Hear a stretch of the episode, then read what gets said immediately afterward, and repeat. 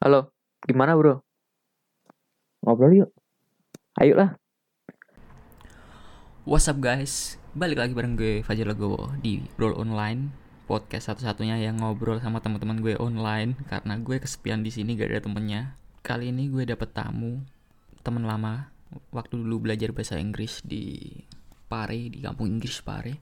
Nah dia itu seorang volunteer suka jadi volunteer suka relawan gitu pergi ke tempat-tempat pedalaman untuk menelusuri pendidikan di daerah-daerah terpencil di Indonesia pastinya.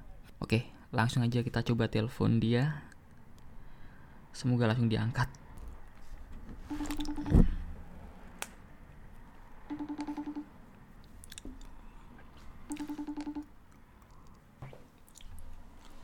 Jelas gak sih suara gue? Jelas banget. Jelas, jelas, jelas. Apa kabar bang? Baik, baik, baik Lu udah mulai rekam lu? Udah, kan? udah, udah. Ini udah ada mic nih. Oh Ya, steak youtuber ya Eh, bukan, bukan youtuber. Cuman asik aja gitu daripada nggak ada kesibukan. Ini bakal diupload di mana? eh ini nanti gue post di Spotify, podcast sama IG IGTV sih. Oh bagus Oke, oke, siap Hmm. Ngisi ke ngisi keboringan, Bang. nggak ada temen di sini sendiri soalnya. Daripada garing, gabut, nggak tahu mau ngapain. Gue agak gaptek ber- Jarang pakai FaceTime sih Iya, Kayak Gue agak aneh gitu ya. agak-agak aneh Sekarang sibuk ngapain nih? Selama lockdown. Ini udah mulai nih Udah, ya udah Oh. Ngo- ngobrol aja nggak nggak usah tegang-tegang. Santai aja gitu. Sekarang di rumah aja sih Masih di rumah Soalnya Mau ngapain ngikutin pemerintah sih Hmm. di rumah aja jadi kegiatannya di rumah-rumah aja tidur Emang emang Bang Bima ini ikut ik- kayak ikut yayasan gitu kan dulu waktu gue ketemu di Semarang kan juga ikut yayasan UNICEF atau apa itu? Kalau di Semarang dulu gue kerja di salah satu NGO di Indonesia Mm-mm. lembaga swadaya Ma- masyarakat boleh sebutin namanya nggak sih Ya gak apa lah. gue kerja di Save the Children dulu Oh. Save the Children ya jadi memang NGO atau LSM yang bergerak di bidang anak Emang emang dari dulu kamu kayaknya peduli banget ya anak-anak bangsa Indonesia ya sama anak-anak kecil itu. Nggak sengaja sih awalnya dari 2015 nggak sengaja main ke pedalaman Mm-mm. sama teman satu lagi Waktu kuliah dulu berarti ya? iya waktu akhir-akhir mau lagi ngerjain skripsi Mm-mm. jadi nggak sengaja pulang kampung kan aku Mm-mm. kuliahnya di Jogja nih Oh iya dulu Jogja. dulu di Jogja. ya? terus kan ada libur semester nah Mm-mm. waktu libur semester itu tahun 2015 akhirnya dipakai buat jalan-jalan ke pedalaman Ke pedalaman, iya. awalnya cuman buat jalan-jalan mau lihat pedalaman itu kayak gimana Berarti pertama ma- pertama masuk ke dalaman itu memang nggak ada kegiatan resmi dari yayasan atau dari sekolah, cuman niatnya pengen jalan-jalan doang ya? Iya, jadi kan awalnya pertama temanku, temanku itu dia punya papanya dia itu kontraktor gitu loh. Mm-mm. Jadi dia lagi ada proyek buat bangun rumah Di daerah pedalaman. orang-orang di pedalaman. Iya. Nah, jadi temanku ini yang duluan berangkat Mm-mm. ngikut papanya. Setelah itu, setelah dia pergi, ternyata waktu dia pulang dia cerita bahwa ini loh kondisi anak-anak di pedalaman ternyata kayak gini memprihatinkan. Hmm. Akhirnya dia bikin eh, kayak bikin penggalangan dana. Enggak enggak dana sih yang digalang, cuman kayak buku, terus buku bekas, terus baju-baju bekas, baju-baju bekas sama buku dan maka dan snack buat anak-anak. Nah itu pertamanya. Setelah itu baru aku ikut. Nah baru berangkatlah kami ke pedalaman di desa Datar Batung sekitar tiga jam ya dari 48 enggak 26 km dari Barabai Dari Barabai. Iya. Ya. Eh, by the way, Barabai itu Kalimantan atau Sumatera? Kalimantan Iya. ya? Barabai Kalimantan Kalimantan, ya. Selatan. salah satu kabupaten Kalimantan Selatan Iya. Barabai. Oke, gue inget Barabai. Jadi triggernya Iya. emang emang dari situ ya. Trigger awalnya jadi Iya, peduli jadi setelah- dengan nah itu kan setelah jadi kami berangkat itu Mm-mm. yang ber- dia tem- kami berangkat itu sehari sebelum kami balik ke Jogja buat kuliah lagi Mm-mm. jadi agak nekat Berarti me- mepet banget ya. mepet banget soalnya jadi kan temanku berangkat duluan akhirnya setelah ngumpulin bantu ngumpulin itu semua itu akhirnya kan kita berangkat lagi buat ngasih nah itu satu hari sebelum kita balik ke Jogja Mm-mm. nah kan ke pedalaman itu nggak mudah ya. Jadi bener-bener kalau hari itu hujan uh, di pedalaman di desa Datar Betong itu hujan kami nggak bisa pulang balik ke rumah. Jadi otomatis kalaupun hari itu hujan kami nggak bisa balik ke Jogja. Karena memang jalannya itu nggak bisa dilewatin. Sama ng- kurang nggak ada penerangan sama juga ya. motor nggak ada penerangan sama sekali jadi awalnya nekat Nekat banget itu. setelah nekat itu nah alhamdulillahnya sih nggak hujan nggak turun hujan jadi bisa balik ke Jogja nah setelah dari Jogja itulah kami bikin setelah balik di Jogja lah kami bikin eh, seragam Seragam. semangat, seragam semangat, seragam semangat. Untuk anggotanya sendiri sekarang udah besar atau gimana sih? Atau um, cuman masih baru, jujur baru, baru tiga orang ah bagi masih tiga orang. Tapi kayak karena memang tapi kayaknya udah aktif banget kemarin-kemarin juga sempat beberapa ke daerah-daerah terpencil juga kan. iya sekarang udah berapa desa ya Hmm. sam eh, dan sekolah soalnya memang idealisme itu loh jadi kami memang belum merekrut anggota lagi Mm-mm. karena memang idealisme kami mau kami pertahankan dan tapi kalau misalnya sudah jadi yayasan eh, pasti kami akan rekrut anggota dan biasanya sih kalau kan kalau kegiatan nggak mungkin cuma bertiga jadi Mm-mm. biasanya kalau setiap kegiatan kami ada eh, open volunteer Volunteer gitu ya. jadi relawan-relawan yang mau ikut silahkan Hmm. Tuh kami awal 2015.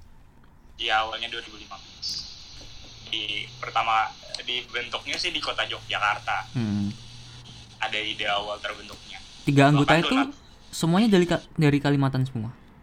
iya Ah, teman temen sekolah dulu sih Iya. jadi kebetulan lagi kuliah temanku kan kuliah S2 waktu itu Mhm. dan aku lagi S1 Dan sama-sama lagi nyelesain tugas akhir buat lulus sambil ngisi waktu ngerjain itu sih akhirnya setelah lulus balik balik dan bikin kegiatan dengan nama seragam semangat untuk pertama kali eh, goals dari seragam semangat sendiri tuh gimana sih? Maksudnya cita-cita dari seragam semangat tuh apa gitu? Simpel sih, kami bermimpi setiap anak di mana pun ia berada berhak mendapatkan kesempatan yang sama, terutama di bidang pendidikan. Karena saat ini em, pendidikan belum menyeluruh ya, terutama buat anak-anak di daerah pedalaman. Maksudnya dia menggunakan motor, motornya pun motor yang biasanya pakai yang trail Hmm. atau Yang kuat lah buat motor-motor di yang kuat buat iya dan di, di Medan kayak gitu. tanah-tanah ya. kadang medannya berat banget kadang tanahnya becek kadang berbatuan nanjak lagi Hmm. jadi kalau pakai motor metik nggak bisa sama sekali atau bahkan ada sekolah atau desa yang cuma bisa diakses lewat jalan kaki jadi nggak bisa Berarti- sama sekali Emang anak-anak di daerah pedalaman itu bener-bener semangat ya. Walaupun perjalanannya mereka berjam-jam jalan kaki, tapi mereka masih semangat untuk pergi ke sekolah nggak nggak seperti anak-anak yang lain yang hidup di kota. Ini misalnya nih, walaupun mereka naik motor fasilitas ada, kadang mereka masih malas-males gitu. Sebenarnya nggak bisa dibandingin sih karena ada mereka sudah di sekolah. Dan biasanya sih sekolahnya itu deket banget sama uh, desa mereka jadi tuh udah sekolahnya itu ada di desa itu jadi kadang ya tinggal jalan kaki aja.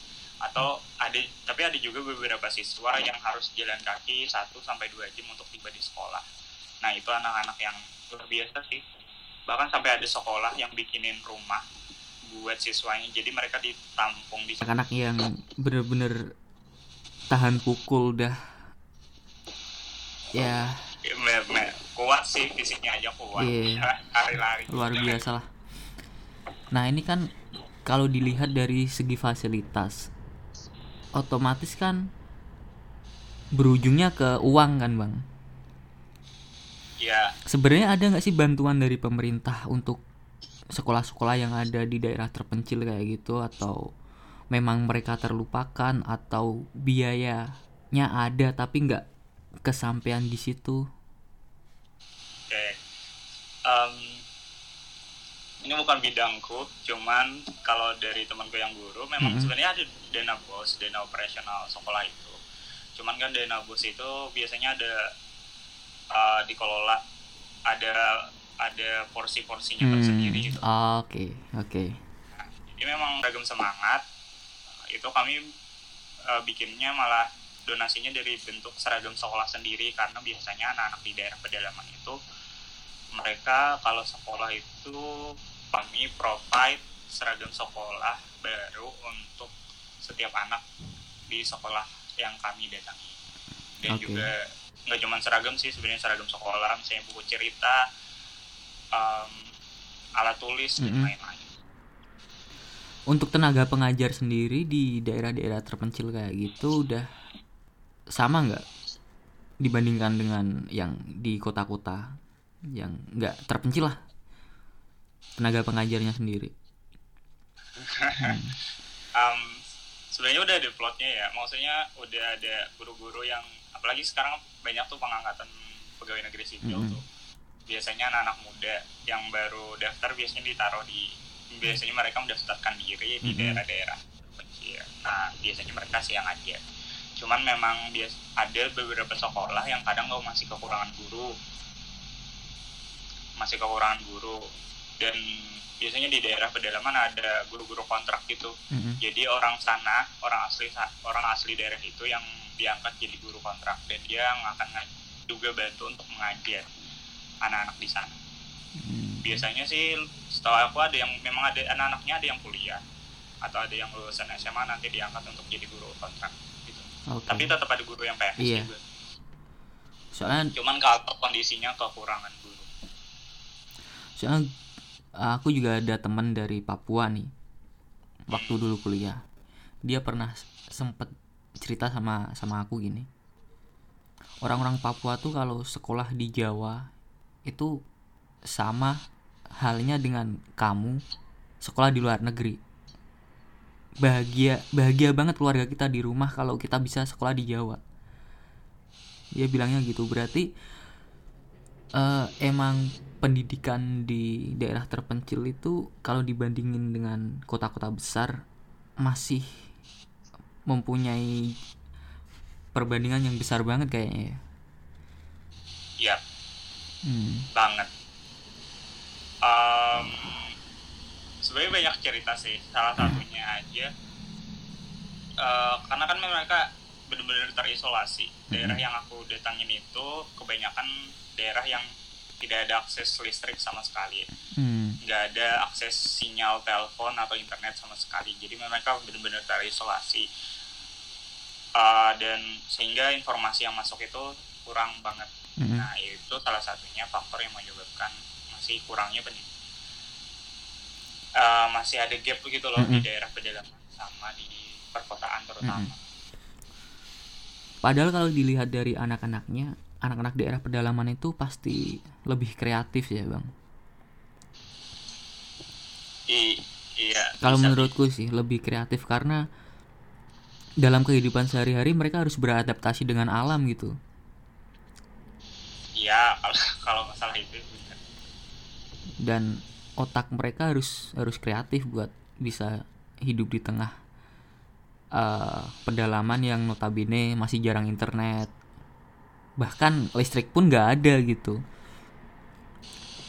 Yap. dibandingkan kita yang ada di kota fasilitas semuanya ada internet sampai sampai kita sekarang malah tergantungan ketergantungan dengan HP gitu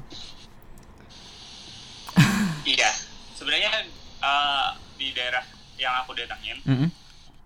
eh, masyarakat sekarang udah mulai punya handphone Mm-mm. cuman kadang yang masih keluaran lama ya masih ketinggalan lah masih ada ada yang mungkin pakai smartphone cuman Hmm. memang gak ada sinyal jadi dipakai buat foto atau ya sebenarnya sekarang sih udah nggak kayak dulu yang benar-benar nggak punya handphone gitu tapi sekarang udah punya handphone bahkan masyarakat pun bisa nonton TV Hmm. tapi menggunakan genset gitu loh. Hmm, jadi hmm, mereka modal gue beli genset. Nanti gensetnya dipakai bu- di malam hari buat nonton acara-acara TV gitu. masih banyak ya daerah-daerah kayak gitu di Indonesia ya bang? Banyak sih. Banyak bangetnya. Tapi banyak banget. Kalau daerah aku memang mungkin nggak sepa separah daerah lain ya. Mm-mm. memang maksudnya benar-benar masyarakatnya belum terakses informasi kalau daerah aku memang ya seperti aku bilang masih udah udah bisa pegang handphone dan Mhm. lain-lain cuman memang akses mereka tinggal di masih cuman masalah mereka adalah akses jalannya aja sih Dan sebenarnya kalau nggak ada habisnya kalau lihat langsung lebih bisa merasakan Mm-mm. Terus nih harapan ke depan gimana nih setelah virus ini kembali ke kembali ke keadaan normal lah ya yang pasti virus ini pandemi ini selesai dulu sih Mm-mm. karena harapannya sama sih pengen lebih banyak lagi sekolah yang bisa kami capai Mm-mm. bisa kami ada beberapa sekolah bahkan ada satu sekolah yang harus kami tunda karena masalah Karena pandemi wabah ini, iya. jadi ada sekolah yang misalnya itu sekolahnya di atas air gitu loh. Hmm, di atas rawa. Jadi asal satu satu satunya akses buat ke sana menggunakan perahu. menggunakan, menggunakan perahu. Ada juga yang kami harus jalan, jalan kaki selama 6 jam ya beda-beda sih. Cuman kalau wabah ini selesai harapannya kami bisa segera berkegiatan lagi. Terus ya bisa seragam semangat bisa jadi yayasan sih Hmm. Selam- lebih banyak anak-anak yang bisa di dicapai Mm-mm. di terutama khususnya di Kabupaten Hulu Sungai Tengah di Kalimantan Selatan Ini teman-teman kalau mau berdonasi bisa kan ada open donasi gitu kan di seragam semangat. bisa tinggal hubungin kami aja cuman memang untuk sekarang uh, karena belum yayasan Mm-mm. jadi untuk uh, apa untuk nom penggalangan dananya untuk kalau misalnya mau donasi lewat uang berupa tunai Mm-mm. di- atau cash itu bisa langsung ke kami hubungin nomor kami ada di bio di seragam semangat dot seragam semangat.com atau at, at seragam seragam semangat di sana ada bio kami silahkan hubungi nanti bisa donasi lewat sana Oke. Siap nanti siap di share ke mana-mana biar biar gimana ya? Masyarakat tuh tahu kalau mereka tuh beruntung sebenarnya bisa menggunakan fasilitas yang ada di kota-kota gitu. Yang udah pastinya lebih lebih bagus daripada yang ada di pedalaman yang tadi Bang Bima ceritain ke aku. Gimana susahnya akses untuk pergi ke sekolah. Nggak ada listrik. Tuh nggak ada listrik sih yang yang gimana ada ya? listrik sama sekali. 2000 bahkan mereka kalau mereka itu anak-anaknya kalau sekolah itu cuman biasanya bawa satu buku. Dan itu bisa dipakai buat bertahun-tahun. Sampai buku itu habis gitu banyak sih ceritanya di betapa masih harus diperjuangkannya Mm-mm. pendidikan di daerah pedalaman itu sendiri. Mm, Ah, nggak bi- nggak cuman bisa bergantung sama pemerintah tapi Mm-mm. juga kita sebagai anak muda terutama harus ikut bantu iya harus ikut bergerak nah itulah kenapa kami juga bergerak gitu loh karena selama di daerah aku sama temanku itu daerah di Barabai sendiri memang Mm-mm. saat 2015 belum ada organisasi atau komunitas sosial yang bantu anak-anak di daerah pedalaman untuk di daerah Barabai ya. Mm-mm. makanya akhirnya kami bikin. Sampai sekarang kayaknya belum ada juga sih. Untuk sekarang kan belum ada belum buka anggota nih. Nah namun minat teman-teman Bang Bima sendiri seperti apa? Respon teman-teman? Baikkah atau ada yang cuman bodoh amat atau malah kadang suka mencela Uh, res- tanggapan respon ya respon Nah, mereka. respon baik sih. Jadi bahkan banyak yang nanya kapan lagi ada project baru? Terus kapan bis, uh, bisa donasi atau enggak? Gitu loh. Jadi biasanya responnya baik sih. Mau bahkan mau bantu. Kebanyakan mau donasi. Hmm, cuman kan untuk sekarang nggak bisa sama sekali. Iya. kami memilih untuk tidak melakukan kegiatan sama sekali Mm-mm. karena uh, daerah aku Berabai itu kan daerah terdampak ya mm-mm, udah ada kasus COVID-19-nya. Nah, kalau kami bergerak otomatis anak orang-orang yang di pedalaman kan sebenarnya sudah sudah terisolasi dari Mhm. dunia luar loh. Bahkan jadi ada resiko kalau kami yang ke sana bahkan kam, takutnya kami yang jadi carrier atau pembawa virus. Jadi itu nanti dihentikan sama sekali mm-mm. sementara. Pernah juga loh kejadian COVID-19 ini menular di suku pedalaman Amazon. Oh, really? Iya, ada beritanya. aku nggak baca sih Suku soalnya pedalaman. lagi mengurangi baca-baca Hmm. informasi tentang COVID-19 karena semakin Semakin Ke sini ke sini semakin semakin iya, iya. jadi cuma membatasi untuk baca-baca Iya. berita masalah dari salah satu sumber yang terpercaya Kalau aku sih ya positif thinking aja lah. Bulan depan selesai gitu. Dalam hati walaupun nggak Ah, ah, selesai selesai, yang penting dalam hati "Uh, udah bulan depan paling selesai. Karena pemerintah kan juga pasti mengambil jalan yang paling terbaik. iyalah Iya. kayak di Australia udah mulai berkurang ya Australia sendiri mungkin minggu minggu depan udah back to nor- normal lagi. oke Tapi pasti masih jaga jarak antar antar warga. tetap ya Iya, tetap. Kemarin aku juga baca berita malah di Wuhan ada kasus baru lagi.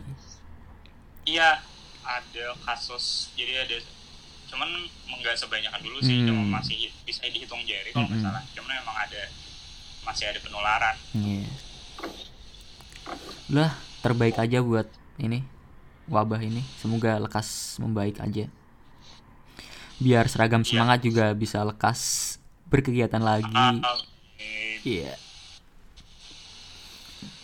Eh, terus harapan untuk pemerintah nih, semisal, semisal nih, harapan dari pemerintah, nih dari Bang Bima gimana?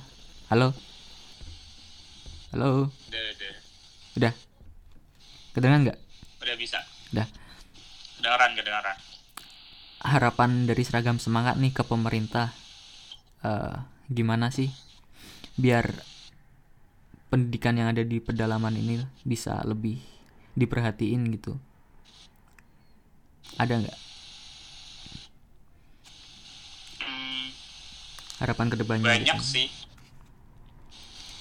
banyak banget Eh, ada harapannya pertama itu dari segi ku- kualitas gurunya sendiri Mm-mm. Eh, harapannya bener-bener terutama guru-guru yang akan diberangkatkan ke daerah-daerah pedalaman supaya memang punya mentalitas yang kuat Mm-mm.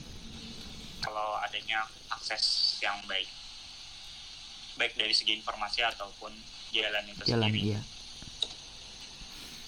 Bagi pengajarnya juga jangan cuman Kedengaran sih kedengaran.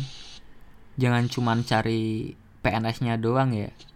Mau ngajar di daerah pedalaman gara-gara cuman mau jadi ya sebenarnya PNS. nggak salah pemerintah sih gimana ya ini loh jadi banyak kasus bukan banyak aku nggak bisa ba- bilang banyak cuman memang ada beberapa kasus yang akhirnya eh, banyak PNS yang daftar Mhm. saking karena memang mereka daftar di daerah pedalaman tapi setelah mereka terima setelah mereka merasakan akhirnya mereka mundur gitu bahkan Hmm. mm, bu- bukan mundur sih kayak nggak masuk nggak ngajar itu hal yang sampai sekarang masih ada terjadi dan harapannya itu yang bisa diminimalisir lah Hmm. benar-benar guru yang siap gitu loh untuk tinggal di daerah pedalaman Emang karena kasihan anak-anaknya udah semangat buat Hmm. sekolah kasihan yang udah jalan sekaki selama 1 sampai Mhm. dua jam buat berangkat sekolah ketika tiba di sekolah gurunya malah nggak ada sama sekali hmm.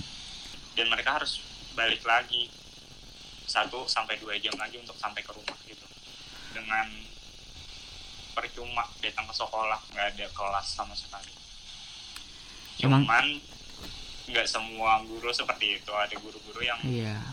masih masuk masih ngajar semangat buat ngajar. Dan appreciate that.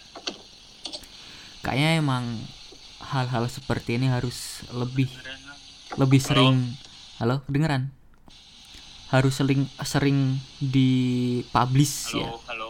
Halo? Cek. Kedengeran nggak halo? Ya. Oh, nah kedengaran. Iya emang ya kegiatan-kegiatan kayak gini terus nyalain halo halo. Cek. Aku dengar suaramu. Cek cek cek. Halo? Halo? Halo? Halo? Eh kedengaran ya? Iya. Emang apa ya? Emang harus lebih dipublish gitu biar masyarakat kita itu memperhatikan keadaan mereka sebenarnya. Lebih sering lagi dipublish. nggak kedengaran lagi udah panjang lebar nggak kedengaran cuy Gak apa-apa, yang penting nggak kedengaran ulang ulang ulang Maksudnya gini. eh pendidikan yang ada di pedalaman kayak gitu harus lebih kemudian ma- emang mereka nggak tahu keadaan di pedalaman tuh kayak apa.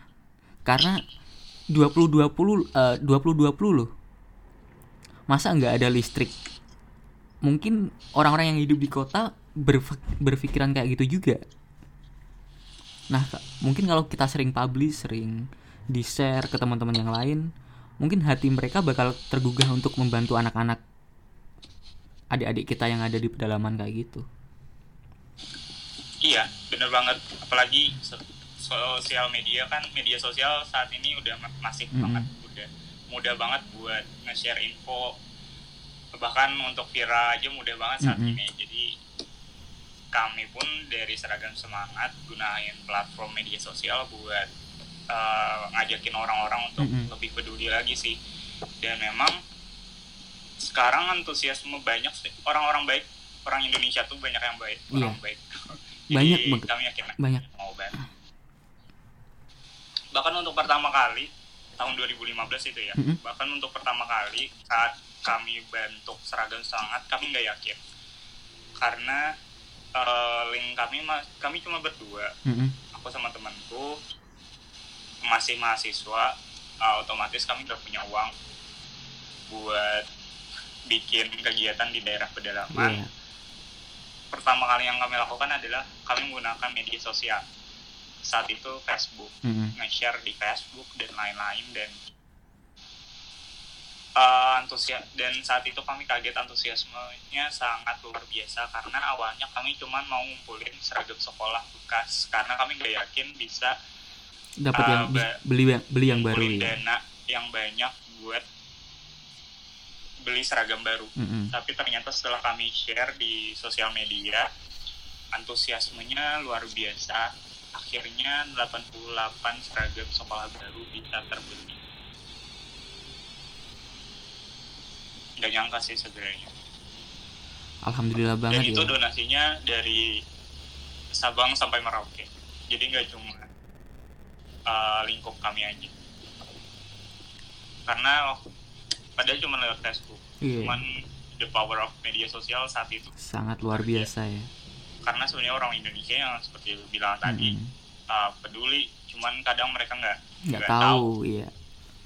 bahwa masih ada loh kondisi di luar sana. Yang kayak Jadi apa kan. gitu ya uh semoga harapannya setelah covid-19 bisa tersampaikan semua. Nggak kedengeran dia. Hilang lagi tuh. Halo halo. Halo. Gue masih dengar suaramu. Halo. Iya oh masih denger ya? Iya masih dengar suaramu. Mau tanya apa lagi? Eh, mungkin untuk episode kali ini pengalaman menarik itu dulu karena udah 30 menit. Nanti kita sambung ke episode berikutnya. Apalagi nih yang Siap, mau siap. disampaikan. Eh, pastinya kesan-kesan lah kesan bah bah. Pengalaman menarik saat melakukan kegiatan di pedalaman nanti ya episode berikutnya ya kalau ada waktu. Siap. Siap. Makasih bang Bima siap. Sampai jumpa. Semoga keluarga sehat di rumah. Siap siap. Wassalamualaikum warahmatullahi wabarakatuh. Waalaikumsalam